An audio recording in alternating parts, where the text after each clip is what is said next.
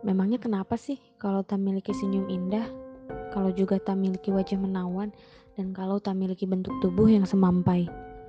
Memangnya kenapa kalau kita tak secerdik Khadijah radhiyallahu anha dan sejelita Aisyah radhiyallahu anha?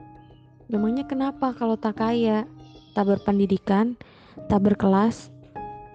Adakah ini semua kualifikasi berkasih sayang? Kalau memang ada yang banyak bilang, semua manusia itu sejatinya sadar bahwa dirinya tak sempurna. Menurutku itu sangat halusinasi. Kau tahu itu?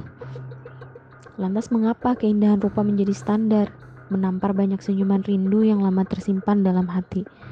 Kemudian menciut tak terungkap sebab pasti terabaikan.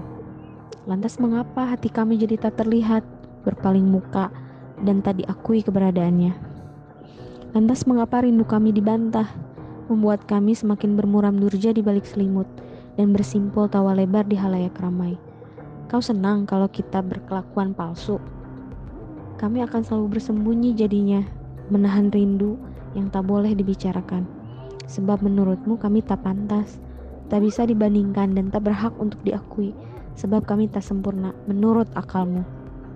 Bermurah hatilah wahai kawan, karena luka yang akan tinggal bersembunyi bersamanya, tanpa ampun dan mustahil untuk sirna.